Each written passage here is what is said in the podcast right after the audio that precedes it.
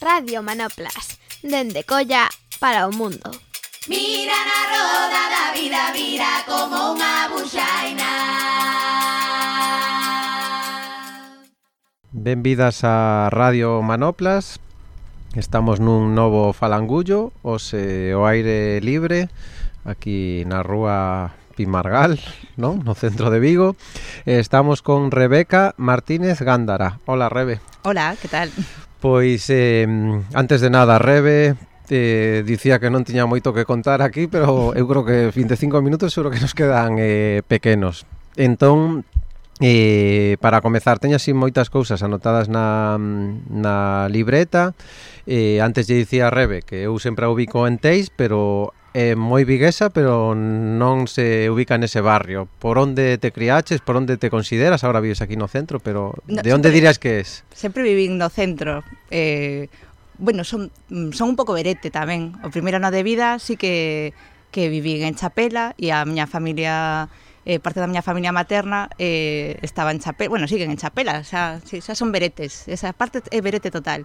Pero con un ano xa nos viñemos para, para o centro, Eh, pero bueno, que a, todas, a todo isto os meus avós maternos xa vivían no centro, meu avó da rúa Santiago, por riba do Paso de Alfonso, e a miña avoa, bueno, a miña avoa era da parte de Colla de abaixo, pero logo era cando non había colla cando non había collas cando era outra, outra colla no vila nada, a colla claro. a colla parroquia non a colla e e bueno pero claro que esa é outra eh que a miña boa pois pues a miña boa serviu na casa de do alcalde eh Portanet do alcaldesa de Llanos, foi cociñeiro. Bueno, isto ben, un día... Carai, eso... Morreu fai tres anos, pero unha muller super interesante que tería moito que contar sempre, sí. E despois de Chapela te viñeches para, para o centro... Para o centro. En que rúa, que para... igual ten un nome que a xente non... Pois pues é desos sitios que efectivamente non o coñece moita xente. Está eh, in the middle, in the middle aí, detrás de García Barbón, co- onde A está... escolas públicas. Escolas non? públicas, travesía escolas públicas, eh, ¿no? Agora para xente igual que escoita a partir destes momentos aí por baixo de Vialia, non? Donde están sí, facendo está entre a saída da autopista da P9 por, por Alfonso XIII e, e entre García Barbón. Entón aí de repente hai como o, o patio de atrás de E vivías nuns edificios que nuns bloques, nuns mm. bloques de quen? Quen construiu esos edificios Esos- ou promoveu cando menos? eso pois Construí era- seguro que non promover. Eso, é que eso tamén ten unha historia, eh? porque eso eran os bloques da Renfe, de xente traballadora da Renfe, que en realidade casi toda a xente era era xubilada, non? Bueno, xente hom, xubilados, homes, todo. E era xente bastante maior e ali pues eh había, non había moitas crianzas, viñan pois, as netas, os netos da, desa xente, e logo ao lado son como uns calexóns, eh, unha zona así moi peculiar, e moi conflictiva, e, bueno, a heroína fixo bolillos en todas partes, pero ali tamén moito, e, e eu, claro, er, era un sitio así como moi siniestro, que, que sentías que non formaba parte, eu sentía que non formaba parte nin dos calexóns, porque por un lado, pois eran nenos moi macarras, era Claro, ás veces cando cando falo disto, a xente dice, pero que me estás falando? Pero colla, pero teis, pero digo, pois pues non sabedes, o que é como un bucle aí que, que de feito cando me dixeches un día, no, pois pues, eu tamén en, en escolas públicas. A miña boa paterna claro. viviu ali nesa, claro. nesa rúa. Pero eso, é como non me gusta nada o mítico Hicho de Vigo este, que pon cosas moi moi machistas, pero ten cada certo tempo saca cosas de escolas públicas e, e sempre saca así como que siniestro, e que iso. É como sí, porque é unha rúa que está por detrás cortada. de García Barbón, así que non parece non leva ningures. Está o túnel. Ay, ese túnel, ese era como dormían ali, pois pues eso, o gringo, este home que, que era poeta e que, que levaba os cans e que, e que para nós era o home do saco, que había por ali, viña cos cans, bueno, había moitos elementos como de, de medo, de, de, de ese rollo barrio así, autopista, o ruido da autopista, zoom, zoom, zoom, os coches, eh, o tren, todo. E, entón a ti ali te mimetizaches e te fixeches macarra no. ou como como ali sobrevivías pringada, ali? ali non sobrevivía correndo pa casa que, que te querían pegar seguidos, ¿no? Que te robaban, decían, dicían non vayas non vayas pa los callejones que te Pero non non xogabas por ali por a zona, non facías vida Sí, estaba todo día na rúa. Vamos, eu, a miña nai sempre era esa de unha perra callejera, o sea, non volves a casa nunca, tal. E, e o cole, onde ías? O, o García Barbón, o García. que ademais eu moitas veces xa non iba pola volta, xa entraba pola parte de atrás, que, que chegabas tarde, xa por detrás, ali que había un depósito de auga, cando, bueno, entre edificios, xa, xa estaba entre edificios, pero non tanto como agora, non? Ademais, eu mm, vivín unha época moi boa dese cole, porque era cando Suso Xares era o director, que foi eh, pues eso, dos creadores de, de Educadores pola Paz, ¿no? chamada, que, ah. que se ah. chamaba así, e de, da nova Escola Galega. E, entón, por un lado, era un profesorado que eran todas señoras de la sección femenina, moitas, pero logo, claro, había un, un nexo común que era ese dire, eh, bueno, que tiña a horta, que pois a festa do Día da Paz, por exemplo, era o máis, a solidariedade. E no, no cole, que, que dirán de ti os profes da, da rebe ni de primaria? Lembra, ni se lembra, ninguén. Eh, había moitísimas, non, non creo para nada. Había moitas moitas crianzas, non? Pois pues eso. E, e logo eu viví unha época, eh, tocaron meus cursos de, de xenios e xenias, absolutamente, todas as cum lauden que houve do 78 por aí nas universidades estaban na miña clase. Estaban nese colexio. Sí, era solo, solo te quedaba ser mediocre ao lado desa de, de xente tan ultrabrillante. E, e eh, logo foches a, ao instituto? Sí, logo Onde? eu tiña a teis, eu de repente eu tiña clarísimo que quería facer FP, que quería. Miña nai foi un dramón en casa todo, ah, niña pa FP, como ese rollo de os burros, van pa FP e tal. Eu tiña clarísimo que eu quería que eu quería dar masaxes, que, me, que a mí me gustaba a estética, además logo dixen, "Bah, e que por aí tamén podo facer logo fisioterapia", por aí a convencín un pouco. E, e, e fun para ali e de repente, bueno, pues pois a, mm, aí eu atopei moi ben o meu sitio e aí sí que, bueno, pois tamén chega a adolescencia e empezas a ter bueno, non empezar a ter inquedanzas porque mm, bueno, a miña familia xa mamei non a loita obrera, a loita parada.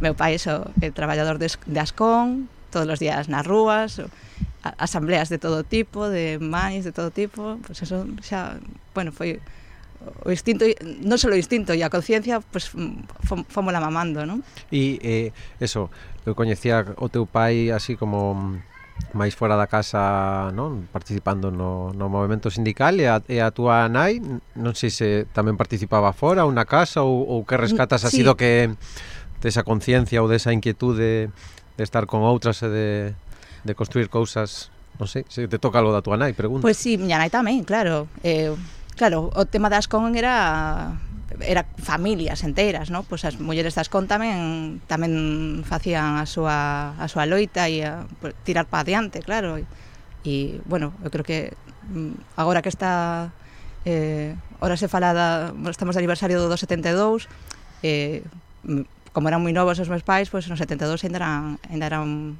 quitarlle seis anos ao meu nacemento, pois, pois ainda eran mocosos que terían 14. Uh -huh. Pero pero eso, eh, cando foron as folga, a folga dos nove meses, por exemplo, foron nove meses de embarazo do meu irmán, non? Ou, pois eso, presentarse no al campo, encher os carros e o sair, mm, ensinar o carné de identidade, non? E dicir, mira, son eh, fulanito de tal e anote aquí que non podo pagarlle porque son un parado das con todas esas cousas claro que che van ah, facendo. A tua nai traballaba na casa? Miña nai traballou de, de bueno, na casa e logo tamén, pois pues eso, pois pues no que iba saindo, porque pois pues esos 80 pois era fastidiado. Eh, pois tiña bacharelato, pero nunca nunca mm, chegou a traballar de nada específico. Foi unha muller que mm, eh, co mundo roto, ¿no? Como sempre intentando facer algo, pero pero non, non chegou a ser nada porque ademais morreu bastante noviña. E mm, antes de, de meternos aí, eso, foches a Teis a estudar sí. FP, sí. que FP había eh, no, peluquería... Eh. Peluquería, eh... FP1 en Teis solo había peluquería e estética, e eu quería ser, eu quería ir a estética, tiño clarísimo Eh, eh, cosa... eh, como digo, é difícil, todo, diciendo, é ah, difícil bueno. E... Bueno, non, non sei, eh, de onde saía esa inquedanza por, por pues, ese mundo pues, da... Pues ¿no? pues, masaxes, eu decía, no, a, mí, a mí o que me gusta dar masaxes, eu creo que a mí eso me vai a gustar, eso que me...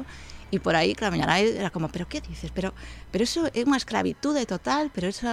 Eh, ademais, eso de maripilis, de, claro, sabes, era unha cosa, e eu vía o, vamos, cunha clarividencia e, e me metí, e ademais é que, e aí seguí toda... Eh, eh, toda... E, e logo, máis adiante, eh, rematas, supoño, bueno, rematas os estudos, eh, sí. eh, te tiras por aí, que é onde sigues currando agora, incluso eh, montas o teu negocio, non? Para sí. tirar por aí como foi... Es que quero, quero contrapoñer eso de ser aí emprendedora con, bueno, con outra realidad. bueno, agora se chama emprendedora, claro, era ter un curro... Era pringada, pringada autónoma, chamase, uh -huh. máis ben. Eh, bueno, pois pues, eu cando, cando empecé a a estudar, eh, pues entón, claro, de repente, pues, pues me iba ben nos estudos, e entón logo no verán estaba rascando a barriga, entón eh, miña nai dixo, no, no, para vano non volve a ser, claro, daquela eran cinco anos FP, non? E entón en segundo dixo, pues nada, no verán, pues a, a, a currar un pouco, eso que te gusta tanto, pues polas mañás, e entón como meu pai, eh, pues era, era amigo de, do pai de Jorge Rubín, dixo, que queres? E, e curraba co irmán de Maracostas, dixo, que queres ir para para Jorge Rubín ou para Maracostas? Te vas ali polas mañás e aprendes un pouco, miras o que fan. E eu dixen, Jorge Rubín solo peluqueira. No, no, no. Eu mellor, non sei que fan no outro lado, pero aí no, no Jorge Rubín solo vexo peluqueira, no?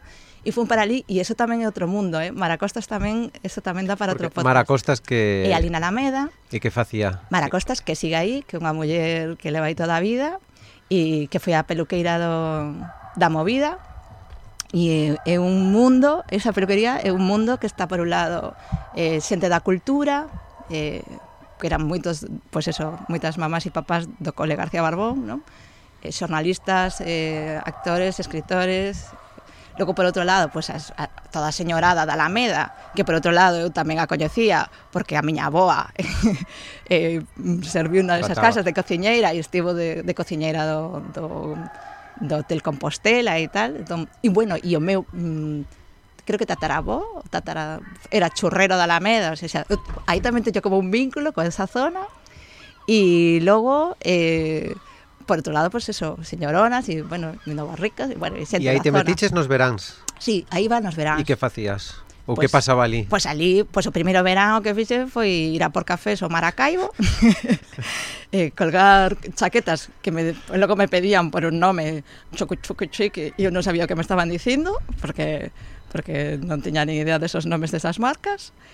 E, e logo pouco a pouco íbame deixando facer algo. E logo xa, porque ademais o primeiro verán tiña 15, non podía ni ter contrato. Logo no inverno eh, no Nadal. Eu chegaba as vacacións, chegaba ali e dicía, mala, sexto de vacacións, ala, ponte aí un tal e pasa. E entón, pois, pues, ali, pois, pues, estaban mulleres, eso, como, que sei, como Ana Míguez, ¿no? Que, que, pues, eh, Pero eso era de cortar o pelo ou había ou facía máis cousas? Non, non, a parte de arriba estaba cuñada co, coa parte de estética e, e claro, pois pues, tamén pois pues, tamén fun atopando un mundo eh, eh, bueno, pois pues, xente de pasta, claro. E eso durou esas experiencias mentres estabas estudando. Claro, eu durante durante todos esos 4 anos, ¿no? dende segundo de FP ata quinto, pues, pues non tive vacacións nunca, porque eu chegaba as, as ferias e eu me iba e me iba a currar. Eh, claro, claro o primeiro ano fui polas mañás, pero xa pelas, xa E, e con todo eso que aprendiches eh, nos, no, na, na sí. formación regrada eh, eh claro, en ese bueno, espazo... Catro anos non, porque logo xa en cuarto eu xa logo, cando pasaba para quinto, en setembro, eh, xa me chamou unha... Xa, díxeme Mara, eh, a teu mundo é o corporal, ti aquí eh, non, non tes... Te, ti tes que voar. E, eu encantada que veñas, pero ti tes que voar.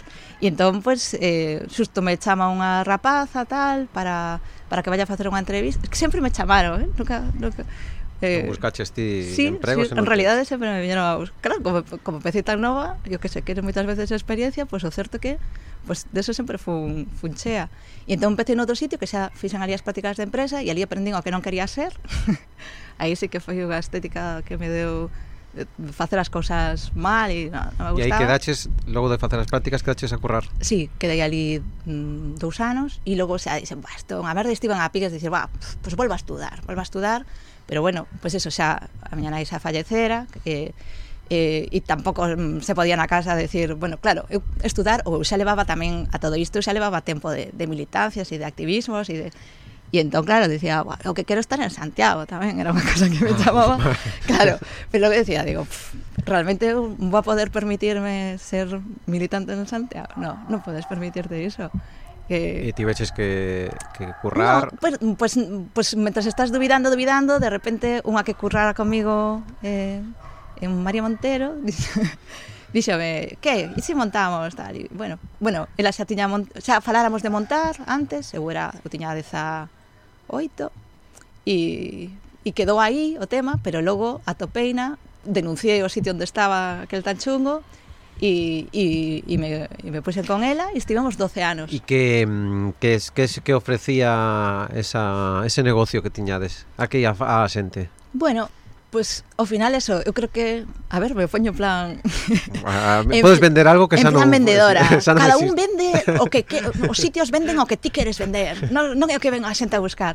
Pois, pues, se a ti te gusta facer unha cosa, ao final, aínda que ofrezas moitas, o que vas a facer é o que máis te gusta. E eu sempre eso, sempre estive vinculado ao mundo corporal, máis que nada, masaxes, eh, o que te dá de comer son as celulitis, quitar celulitis, que era adelgazar. Entón, aí hai un hai un camiño do que... E, e tamén eran tempos nos que aínda non non estaba tan extendido, non? Digo, tan ben visto o, ese, ese tipo de tratamentos eh, e non había tanta mm, non sei como dicirlo, tanta oferta, non? Que agora eu creo que aí bastante evolucionou que, bastante E que a mí me colleu xa eh, a democratización da estética. Eso. Sí, sí, eu creo aí. que sí que eh, eh, xa empeza nos 90. Eh, de feito, nos pechamos eh, no 2010 chegou a, a crise de 2008 chamou a porta eh, toda a clase no, no creo na clase media, creo que non existe casi. toda a xente currante, de repente, do primeiro que quitas é visto non? Uh -huh. E, e positivo que, eh, pues, pues, pues pechamos porque de repente eu acababa de ter unha pequena Eh, a miña compañeira pois, pues, tamén teña o pai terminal e dicimos estamos aquí sin, sin levarnos un duro pa casa eh, esto requeriría como un, un, un reinventarse volta, ¿no? que no, nin temos agora nin, nin forza, nin nos apetece e aí tamén, eu creo que aí é cando nos coñecemos, non? E aí empeza unha nova época da miña vida porque, claro, os meus activismos sempre foron eh, como a partir das 8 da tarde que seas de currar entonces máis que moitas veces máis que organizar en la que tamén organizei un pouco, sempre era acudir a e de repente pues digo, hostia, pues pues igual se Teño tempo, vamos a intentar, vamos a intentar vivir sin traballar, non? Pois pues chega o bofetón que a que a crianza, chega o bofetón que a maternidade e e de repente decides que todo o que pensas, pois pues igual hai que facelo, non? E... A, a eso me ven me ven ben primeiro quero dicir aí isto para Sergio dicimos que eh, para Rebe, unha persoa moi activa e eh, para moita xente, toda esta primeira parte a descoñecerá e eh, eh, non saberemos con quen están a falar, pero Rebe moi coñecida no mundo indepe vigués, no mundo do feminismo, Eu a coñezo tamén de participar nun grupo de consumo, estivo en Agarimar, en Pumariños, bueno, un montonazo de proxectos eh, estivo tamén en Cuba, que isto pa Sergio o metemos aquí eh, que, que, digo, pero bueno, moi moi vinculada a, a, ao movimento político da cidade eh, en xeral o, o mundo do, do activismo. Eu cando estaba preparando isto, me chamaba a atención e eh, eso penso con que eh, coa etiqueta de ser indepe no teu caso me parece moi chulo porque ti na túa, no teu día a día intentas crear independencia ou autoxestión ou autonomía en ámbitos moi diversos, non? O que estaba a falar participas nas de industria, non? Por mobilizar uh -huh. o barrio, e na túa cri na, na crianza dos vosos enanos fochedes, non, moi mm, alternativos sempre xuntándovos con outras, no o tema da alimentación. Eh, está ben ter esa mm, esa esa vontade, pero ti tes tamén esa capacidade de artellar con outras eses espazos de autonomía, de independencia, como queiras chamalos, non sei que cale o truco ou, ou por que faz iso, non sei.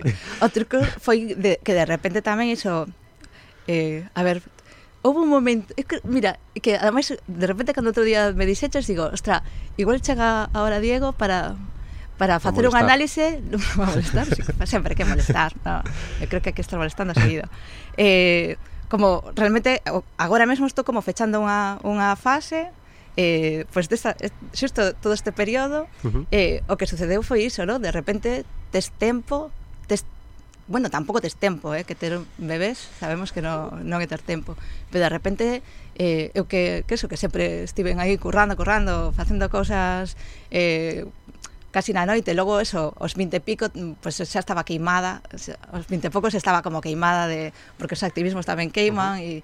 e, e nesta terra de da división de la división de la división do, uh -huh. das distincións de los non sei cuantos, pois pues, de repente digo, aí logo foi cando me volquei máis pois pues, no traballo, que ademais eso pf, saía tardísimo e tal. E de repente eso nova nova era.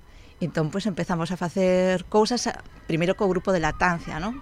eu pois eh, claro, xa tiña claro como, pero bueno, o que te iba a contar era antes eh houve un curso de, de autocoñecemento en Pontevedra da Asamblea Feminista de Pontevedra, que eran as deusas de cada muller, e eu aí tamén tiven aí como a revelación mística con unha deusa que talumeou alguén, non? Totalmente, coa deusa Demeter. No, Demeter no, Coa deusa, perdón, coa deusa Afrodita, que era ah. No, a ver, ali ahora que todas as deusas, ca deusa de compromiso, con era, con era, pues con era. Sela sí, que controla era, moito de era, mitos. Era, pois pues era, eh, claro, era, era compromiso con Zeus, ¿no? Pero nos enfocamos aí como compromiso, o compromiso non ten por que ser para con a parella, sino tamén hai compromiso coas cousas, compromiso...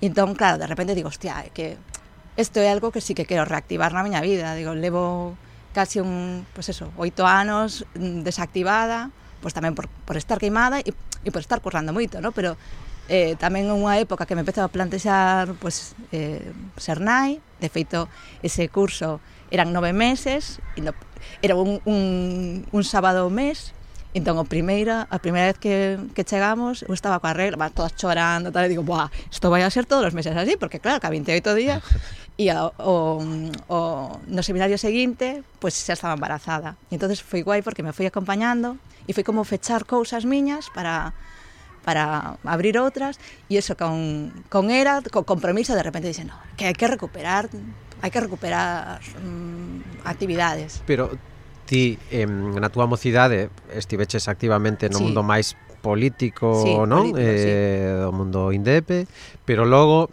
esa, esa virar cara non con, con ese espírito, con esa vontade se transformou máis en, en ámbitos da vida cotiá, non? Sí. Digo, jolín, a, a parte da vida cotiá, cotiá é eh, a crianza, eh, como comes, a educación dos como teus pares, enanos, como no? Todo, como todo, da sí, salud, sí, sí. como como vives no a túa contorna, decir, no barrio, digo, eh, ese camiño Bueno, a mí me parece interesante, a ver a xente sí. que non, pero me parece interesante volcalo no cotía, digo, non na política de discursos ou claro. eh, Eu por aí... tiven que desaprender. Eu creo que aínda continúa desaprender. Unha das cousas que me puña nerviosa de falar aquí é de pensar de, do que teño que do correcto, ¿no? Que, uh -huh. que o que se supón que hai que decir cando te meten nun embolado, eh, se ves dun movimento político, eh, puf, que se supón que teño que decir para, para sair ben parada disto. Uh e, bueno, pues de repente empezas a, a facer outro tipo de traballo, eh, pues, claro, do interior, exterior, ao final é eh, eh, pechar ese círculo, e o que me pasou eso, pues, mm, eh, pues a raíz de, de querer mm, ser boa nai, ¿no? deste conta que o que hai que ser é boa persoa, ¿no? E todo deste conta que ser boa persoa e, eh, e ter unha crianza eh, consciente e, un, e, e crear seres humanos para un mundo mellor, pues todo eso vas tirando do fío, tirando do fío e dices, bueno, pues, pues todo isto que pensas habrá que poñelo en práctica e, e de repente pues empecé a toparme xente que estaba acostumada a facer, non a dicir. Uh -huh. E eu levaba tempo dicindo, pero sin facer. E, e de repente, pues, no tirei aí.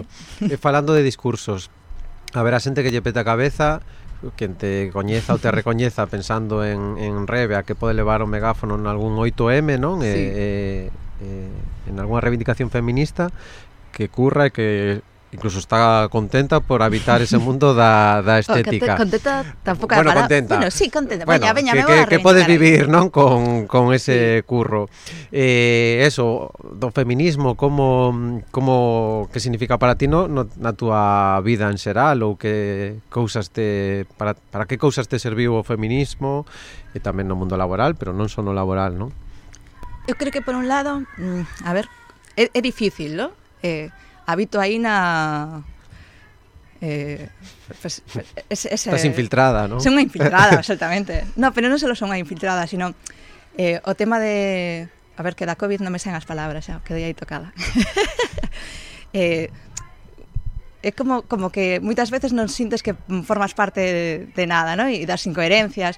E eu creo que o meu traballo é, é, é tamén unha parte da, das miñas incoherencias de vida. E entón, tamén teño momentos que digo, pero que, que pinto facendo aquí isto, e outras que digo, que, que necesarias son aquí, porque realmente eh, atopar eh, chega unha persoa dicindo unha persoa, basicamente mulleres, non?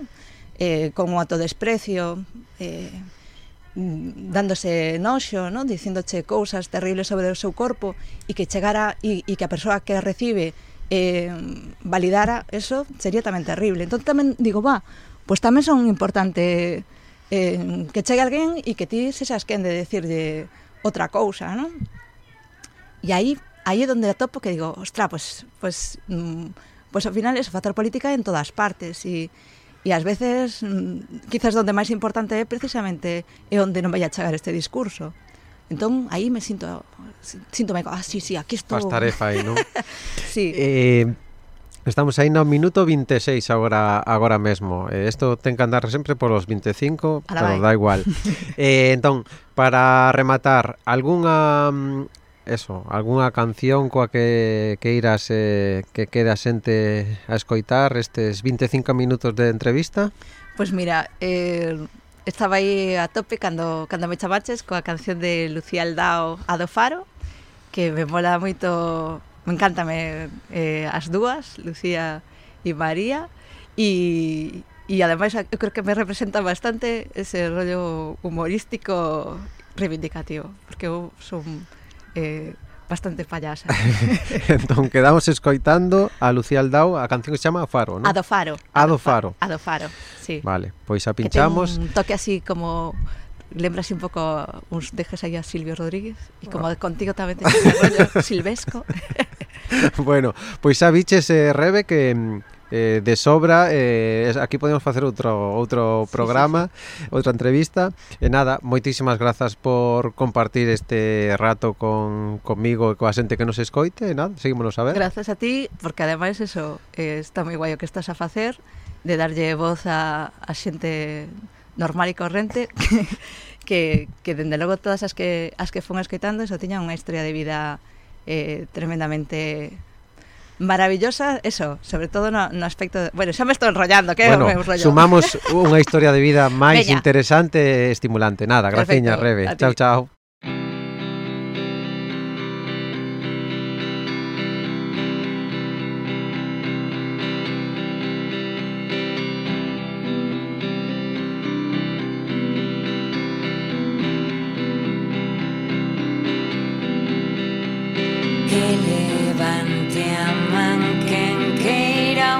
shadow